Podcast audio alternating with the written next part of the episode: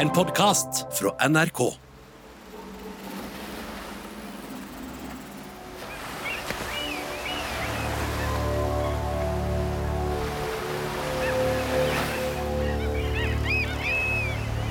Ut på det store havet. Det er ikke land å se. Det eneste du kan se, er vann og hav og himmel. Nei, vent! Der! Der er en liten trebåt. Dupper og flyter som en kork omtrent. Oppi den lille båten sitter en mann og ror. Blå jakke, skjeggete. Mannen er stor og sterk. Han har ikke rukket å bli verken underlig eller gråsprengt ennå. Ung og vital. Han mannen ror og ror og ror og ror. Du og jeg hadde sikkert vært engstelige av å være ute på havet i en sånn liten båt, men ikke han fyren der. Han er garva sjømann. Dessuten er det bare over Skagerrak. Rene barneskirennet for en sjøvant sjøulk som han. Så kommer det en annen båt, andre veien. En litt større båt. Men det er ikke noe stor båt det der heller. Det er en åpen fiskebåt med en tre-fire kall om bord. De to båtene passerer hverandre på nært hold. Halløy! er det en matros som roper fra den litt større båten, som fortsatt er en ganske liten båt. Hvem er du? Jeg heter Terje, svarer mannen i robåten. Terje Vigen. Enn du? Jeg heter Christian Fredrik. Hei, Christian Fredrik. Hyggelig å hilse på deg. like måte. Hva skal du da, Terje? Jeg skal til Danmark for å kjøpe korn til kjerringa og ungen. De holder nesten på å sulte i hjel, sjø. Enn du da, Christian Fredrik? Hæ? Hysj. Ikke å si det til noen, men jeg er prins jeg, sjø. Og nå skal jeg til Norge for å være kongens øverste mann der. Men hvorfor kommer en prins som en simpel matros? lurer en Terje. Hysj! Det er for at dere forbaska engelskmennene som ligger her og sperrer mellom Danmark og Norge, ikke skal ta meg til fange. Ja, du må ikke snakke. Du får ha lykke til, da, prins Christian Fredrik. Lykke til, Terje Vigen. Og så fær de to små skipene videre. To skip i natten. Bokstavelig talt. Hver sin vei, og siden møtes de aldri mer. OK, stans, stans, stans, stans, stans, stans. Det her er ikke sant. Det er ikke sant. Nå lyver du så det renner, Osen. Sjøulken Terje Vigen, hovedpersonen i Norges nasjonaldikt med samme navn, og den danske prinsen Christian Fredrik, de møttes aldri. For det første, Terje Vigen er en fiktiv person. Han fantes ikke. Og for det andre, så er det mange år mellom at en Terje liksom rodde sørover og en Christian Fredrik seilte nordover. Men det er sant at prins Christian Fredrik sneik seg over havet til Norge forkledd som matros. Så sjøl om møtet midtfjords ikke hendte, så kunne det hendt. Det hendte nesten.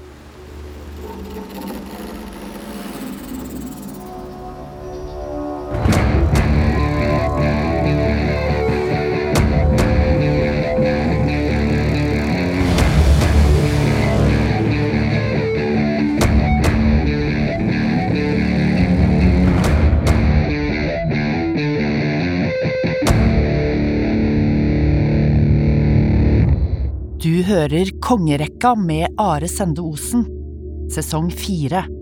En podkastserie om de norske kongene. Episode ni Christian Fredrik. Kongen som tenkte på folkets beste.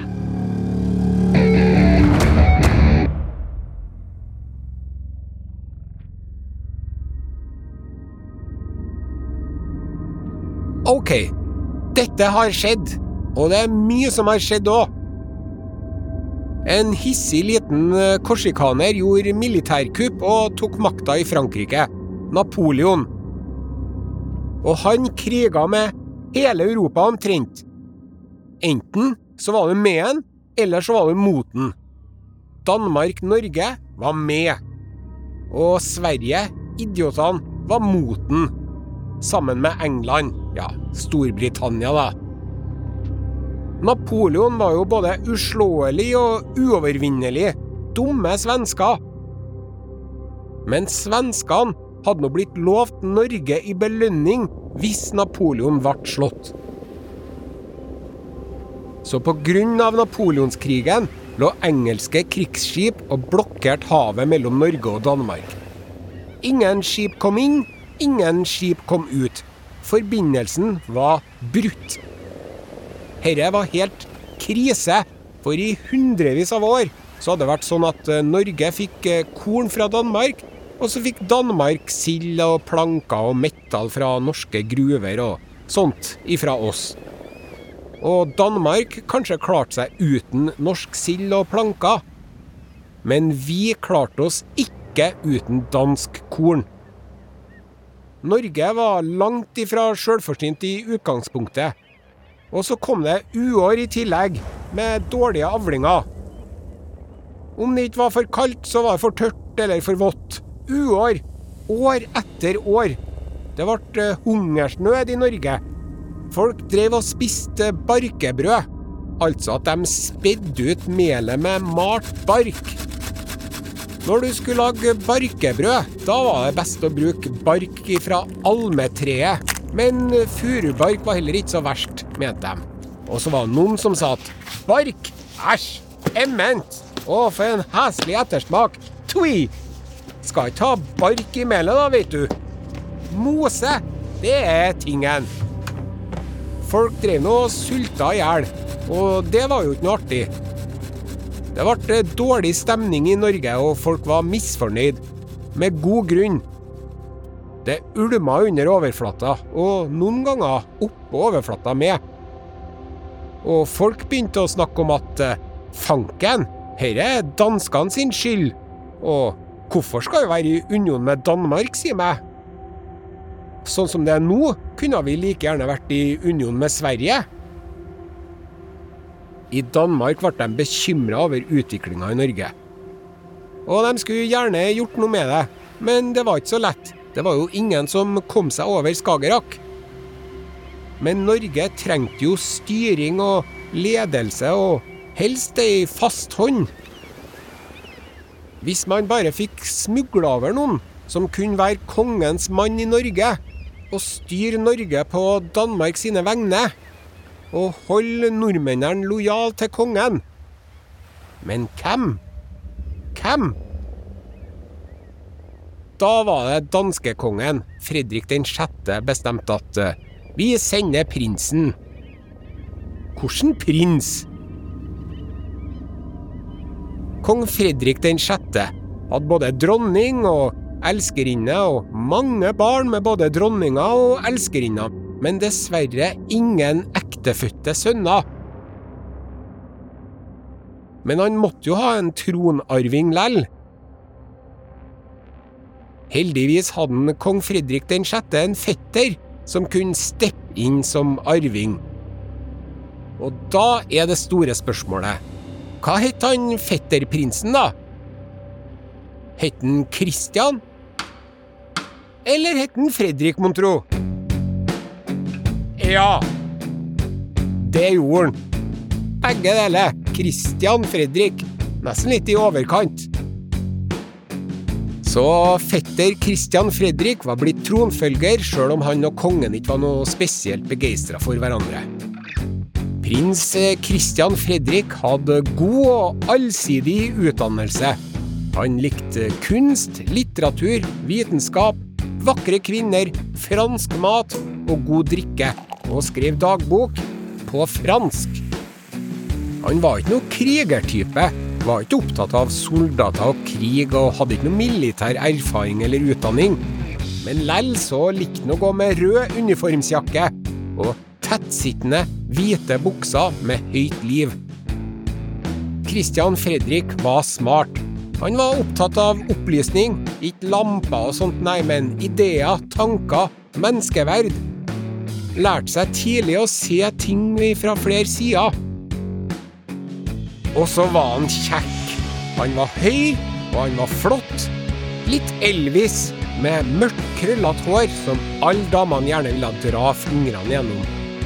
Du store all verden, det får man si. Her har dere dansk-norske kongene i hundrevis av år blitt bleikere og bleikere, pinglater og pinglater, og spinkler og spinkler og spinkler og spinkler. Eneste som ble større på dem, var nesen og kjaken. Og så, simsalabim, får man en prins som er høy og mørk og kjekk og flott. Hva i all verden? Hvordan har dette her gått for seg? Er det en mutasjon? Nei da.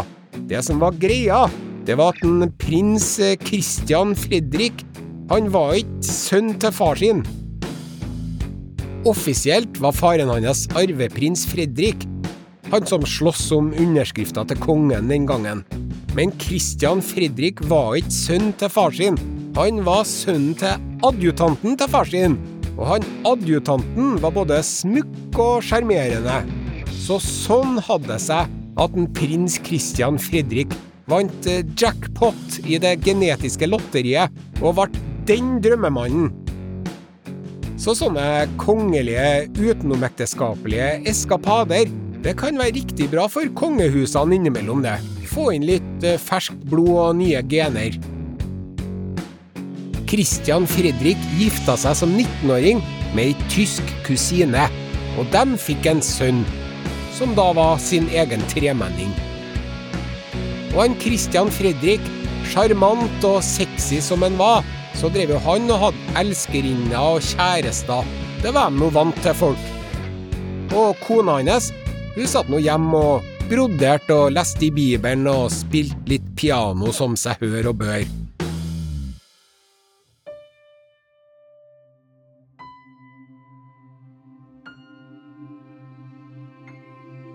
Så ville kusinekona til en Christian Fredrik få seg en sanglærer, og det var nå greit. Men han sanglæreren, han viste seg å være en dritkjekk, vakker, spennende operastjerne. Og hun kusinekona var ikke noe burugle, hun heller. Tvert imot, svært vakker. Og tror du ikke kusinekona og sanglærersexbomben begynte å ha seg? Nei, jo! Sikkert oppå flygla, under flygla Nei, beklager. Ren spekulasjon, men de drev nå og benga i hvert fall, da. Herre kom som et sjokk på alle, og ikke minst på Christian Fredrik, og han syntes det her var skikkelig trasig. Å, så urettferdig! For et svik! Så de sa til denne sanglæreren du har to timer på deg til å forlate Danmark, OK? Så han måtte pakke pikkpakket sitt i hui og hast og for til Sverige, og der bodde han resten av livet. Han slapp nå billig unna, spør du meg.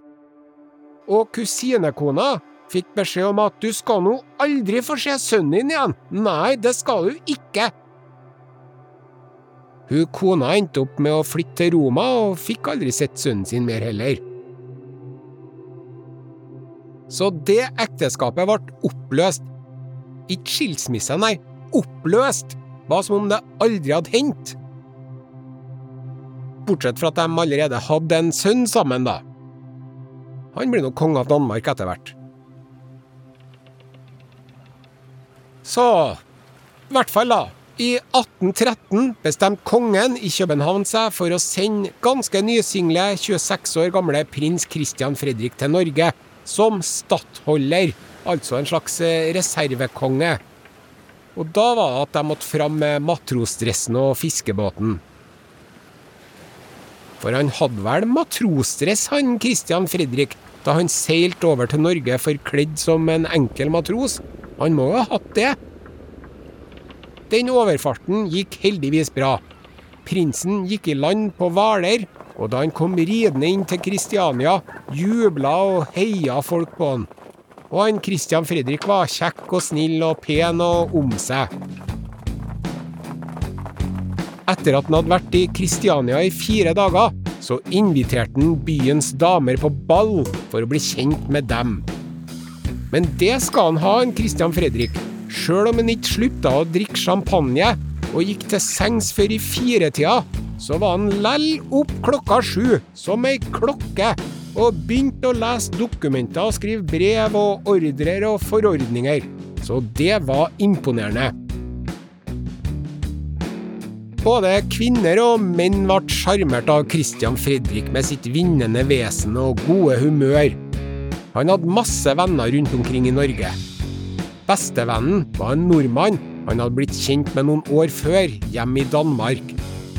Det var forretningsmannen, embetsmannen og politikeren Karsten Anker.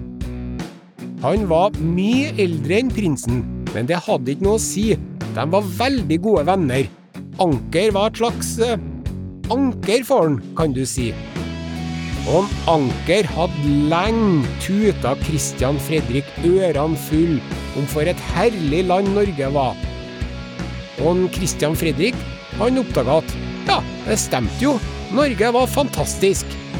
Og så tippa jeg at en Karsten Anker sa til en Christian Fredrik jeg har sånn en flott herregård på et idyllisk lite sted. Eidsvoll heter det. Hvis du noen gang er på de trakter, Christian Fredrik, da må du bli med hjem til meg.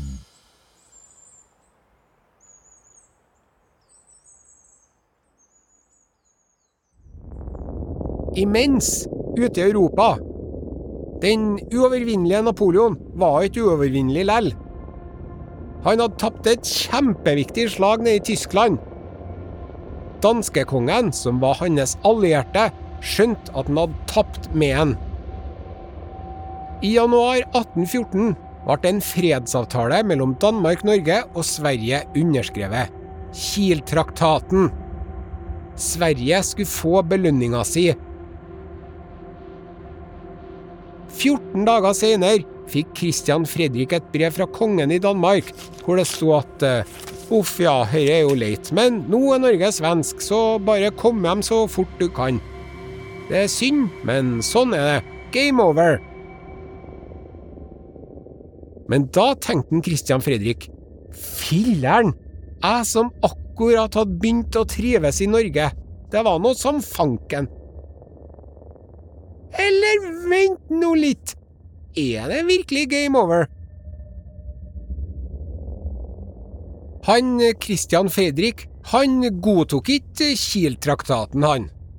Og tenkte vel som så at hvis denne dumme fetteren min ikke vil være konge av Norge mer, så kan jeg vel saktens ta den jobben sjøl, jeg. Han ble opprørsleder, og sa til alle som ville høre etter, dere, skal ikke vi bare drite i å bli en del av Sverige, da? Vil dere ikke ha meg som norsk konge isteden? Jeg som er så kjekk og morsom og festlig og prins jeg òg, så jeg har jo krav på tronen, jeg. Og så reiste Christian Fredrik rundt i Norge for å jazze opp stemninga for seg sjøl. Og overalt hvor han kom, ble han godt mottatt. Og Christian Fredrik drev og kladda på talen som han skulle holde, idet han ble utnevnt til eneveldig konge av Norge. Men så kom han til Trondheim, og der fikk han seg litt av en kalddusj. Der fikk en levert, fra byens fremste menn, et krav om at hvis du skal bli konge i Norge, da skal nå vi ha en grunnlov, ja, det skal vi nå i hvert fall. Og da ble Christian Fredrik sur, Grunnlov? For noe tull! Nei, det ville jeg ikke høre snakk om, nei!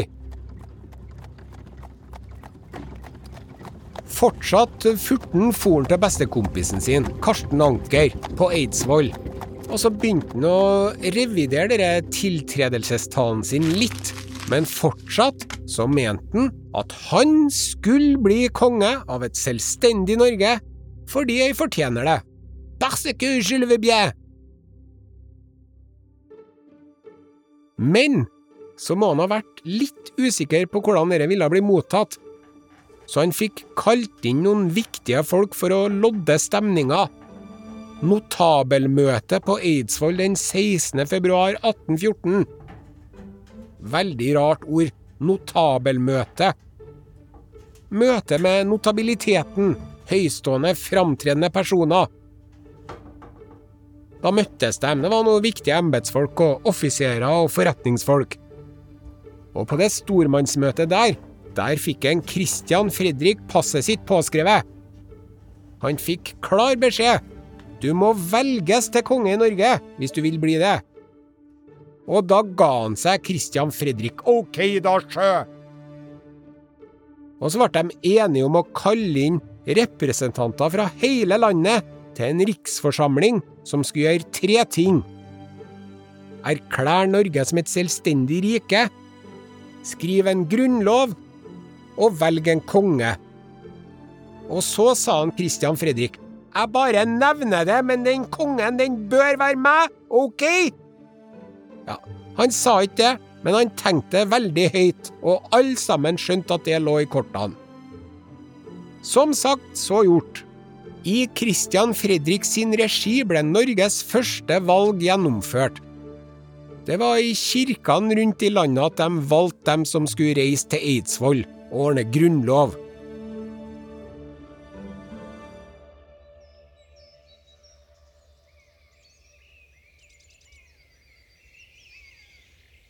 Første påskedag 1814, 10. april, møttes de. 112 representanter som var blitt valgt. Det var mye biskoper, prester, dommere, professorer, offiserer og noen rike bønder og kjøpmenn. Folk hadde reist i ukevis, til fots og til sjøs og til hest, og de hadde overnatta på hytter, lauer og vertshus, og det skulle ikke være enkelt. De fra Nordland, Troms og Finnmark, de hadde ikke rukket fram lell, så de kom ikke. Det var ikke noe luksusliv å være eidsvollsmann, det skal jeg fortelle deg. Sjølve Eidsvollsbygninga var lekker nok. Der hadde prinsen lagt seg inn sammen med kompisene sine. Men det var jo ikke der eidsvollsmennene flest bodde. De måtte ordne seg Airbnb på gårdene rundt omkring i området. Det var nå så ymse. For eksempel grev Wedel, kammerherre Løvenskiold, justisråd Klaumann og sorenskriver Blom. De fire måtte dele ett rom, og i det rommet var det bare to senger. Så Løvenskiold og Blom de sov på gulvet den første natta. På gårdene der de var innlosjert, skulle de liksom få frokost og kveldsmat. Det var nå ikke alltid de fikk det. Men når det ble servert i Eidsvollsbygninga, da var det kalvestek, til tross for at det var matmangel og nød i landet. Og vin til maten og greier. 2000 liter vin i tønna, pluss litt finere flasker i tillegg, står det i regnskapet. 2300 liter brennevin, fra fin konjakk til dårlig heimert. Den skulle liksom kvikke opp eidsvollsmennene, deres spriten, da. På den tida, nemlig, da var en dram minimumsservering. Det var sånn som kaffe i dag. Skal du ha en kaffekopp, sier vi. Den gangen sa de skal du ha en dram? Høres ut som bra festivalstemning. Eidsvollfestivalen 1814. Har du armbånd? I møtesalen inne i Eidsvollsbygninga satt de på harde benker uten ryggstø. Og til å begynne med så hadde de hengt opp granbar til pynt langs etter veggene, så det skulle lukte friskt og godt. Men de representantene som satt bakerst, de begynte å klage over at det dryssa granbar ned i nakkekragen på dem, så da fikk de nå fjerna det. Et annet veggrelatert problem var maleriet Hvilende Venus. Der hang det ei kliss naken, myk og deilig kvinne på veggen. Og det gjorde at det ble aldeles altfor vanskelig for eidsvollsmennene å konsentrere seg om Grunnloven. Så etter ei stund måtte maleriet òg vekk. Christian Fredrik sjøl var ikke med i dette grunnlovsarbeidet. Det hadde blitt feil. Men han hadde kompiser blant eidsvollsmennene som spionerte og rapporterte og fortalte ham hva som foregikk. Det var to gjenger, da. Det var Unionspartiet, som ville at vi skulle gå i union med Sverige, og så var det Selvstendighetspartiet, som ville at vi skulle være selvstendige. Men det var Selvstendighetspartiet som var størst. Mange kalvesteiker senere, 16. mai, da ble de ferdig med grunnloven sin. Grunnloven sin? Grunnloven min. Og din. Grunnloven vår.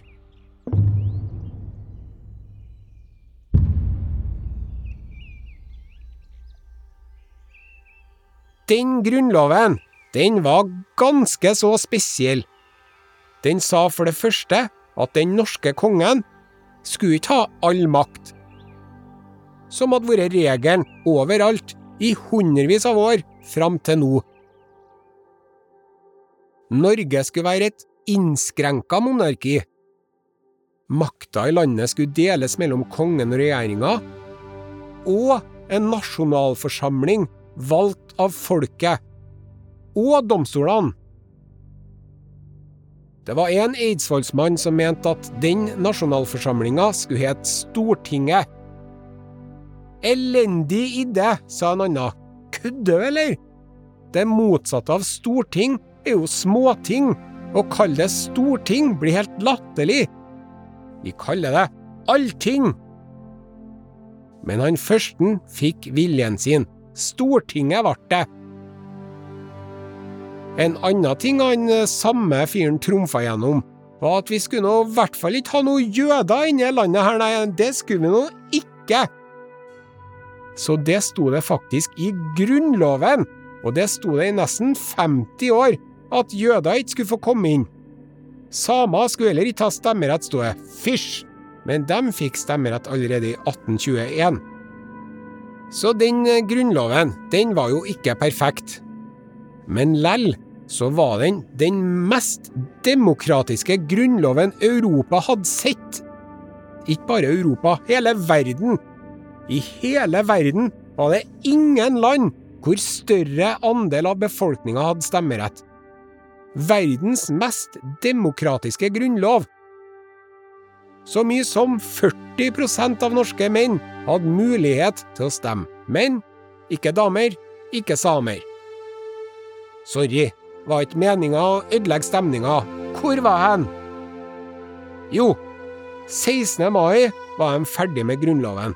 Da streka de over alle t-ene og satte prikker over alle i-ene og punktum her og komma der.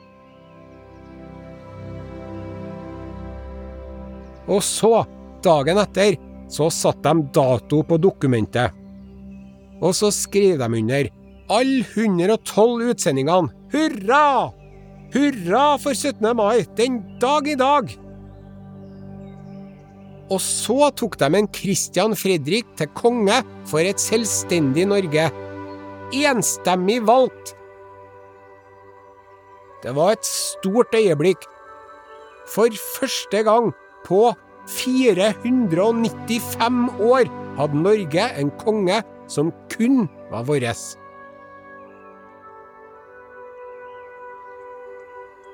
Tre dager senere, 20. mai, avslutta de riksforsamlinga. Før de dro, tok alle eidsvollsmennene hverandre i hendene i en lang kjede, og så sa de Enige og tro til Dovre faller. Topp stemning! Helt fan-fucking-tastic! Kjenner det svulme i brystet.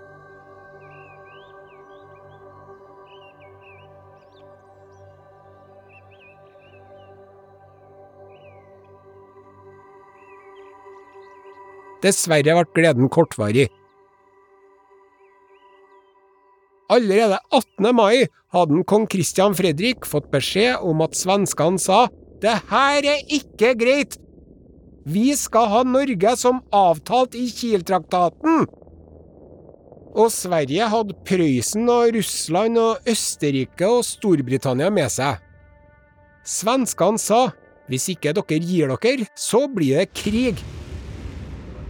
Og krig ble det. Sommeren 1814 angrep svenskene Norge. Sverige var militært overlegen, og han som leda hæren deres, hadde vært en av Napoleons beste generaler, Karl Johan. Krigen mellom Sverige og Norge varte i litt over to uker, den. Kong Christian Fredrik var jo ikke noe god på krig, og skjønte for så vidt at krigen var nytteløs, at Norge kom til å ende opp i en union med Sverige, uansett. Men det gjaldt å få en så bra fredsavtale som mulig for Norge. Og nå, nå var det at en kong Christian Fredrik tenkte på Norge sitt beste, og ikke sitt eget. Så han sa det, han Christian Fredrik. Greit, jeg gir meg. Norge blir med i union med Sverige. På én betingelse. Norge skal beholde grunnloven sin og fortsette å være et eget rike. Det fikk han faktisk til. I fredsavtalen fra 14.8.1814, Mossetraktaten. Vi skulle få ha Grunnloven med noen få endringer. Men det sto også i avtalen at Christian Fredrik skulle trekke seg som konge og stikke av. Og Christian Fredrik kunne sikkert tenkt seg å dra hjem til Danmark dønn, men det kunne han ikke gjøre. Han måtte vente til Stortinget ble sammenkalt. Hvorfor måtte han det, da? Jo, når vi nå hadde Grunnloven, så måtte vi jo følge den. Og der sto det at de Sverige-justeringene vi skulle gjøre i Grunnloven, de måtte skje på den rette måten. For å vedta endringer i Grunnloven måtte velges representanter til Stortinget først, og det tok jo litt tid. Sånn Christian Fredrik satt på Bygdøy kongsgård og venta og vansmekta, bleik og dratt og ganske så fortapt, og det var ikke noe artig til han. Men det kan ikke ha vært så forbaska tussig og enslig heller. For våren 1815 ble det født en liten gutt i Kristiania som alle sammen er enige om var sønn av kong Kristian Fredrik. I hvert fall da. I oktober 1814 møttes Stortinget for første gang og tilpassa Grunnloven en union med Sverige. Novembergrunnloven, som den heter, ble vedtatt i november. Da hadde Christian Fredrik allerede dratt tilbake til Danmark. Han kom aldri tilbake til Norge.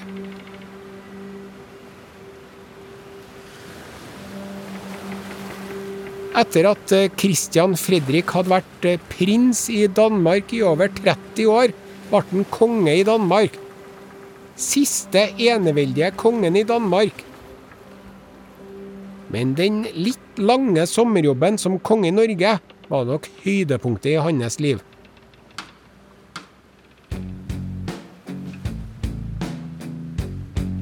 Glad i damer var han alltid. Ble gift på nytt, men fikk minst ti barn utenom ekteskap. Varierte karrierer på løsungene hans. Landskapsmalere og kammerherrer og spåkoner, og det er noen som mener at en av dem var Wait for it! H.C. Andersen. Da burde jo H.C. Andersen hett H.C. Christiansen, eller H.C. Fredriksen. Men alle som har peiling, sier om det at sludder og vås, pølsevev. Veit du hva han kong Christian Fredrik daua av? Du vil ikke tro det. Han daua av blodforgiftning etter en årelating. Herregud, det er jo som de holdt på med i vikingtida. Men nå, i 1848, så hadde de funnet opp lyspærer og skrivemaskiner og slåmaskiner og fotografi og batterier og damplokomotiver og telefon og mikrofon og Kan det være mulig? Og så må jeg si én ting til om en Christian Fredrik, som ikke er så smigrende. På maleriene jeg har sett av en, med den trange, hvite buksa si, så har han altså Herre går det ikke an å si på delikat vis, så jeg må bare hoppe i det. Han har altså den verste kammeltåa jeg har sett. Ja, men tenker du sånn camel det er det jo damer som har, eller? Jo, riktig. Damer og Christian Fredrik.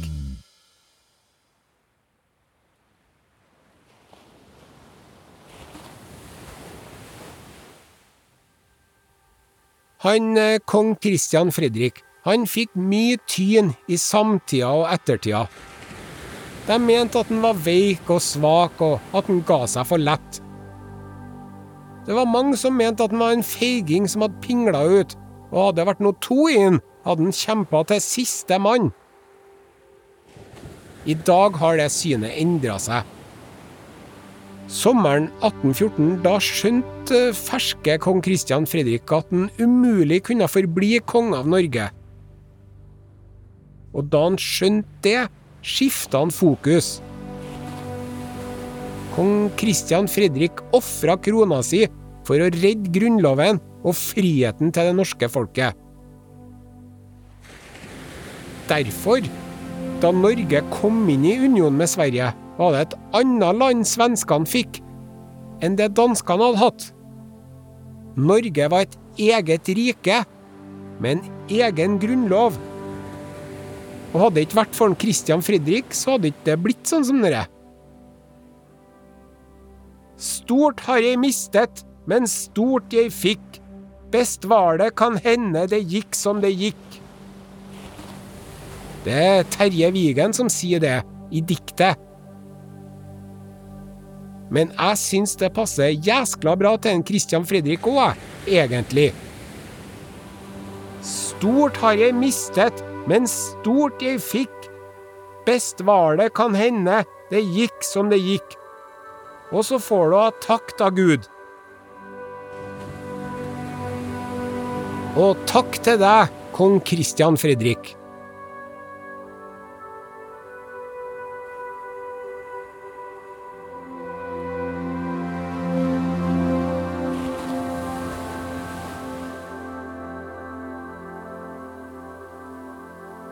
Men du, hvordan hadde det seg at det var en franskmann, av alle ting, som tok over styringa i Norge?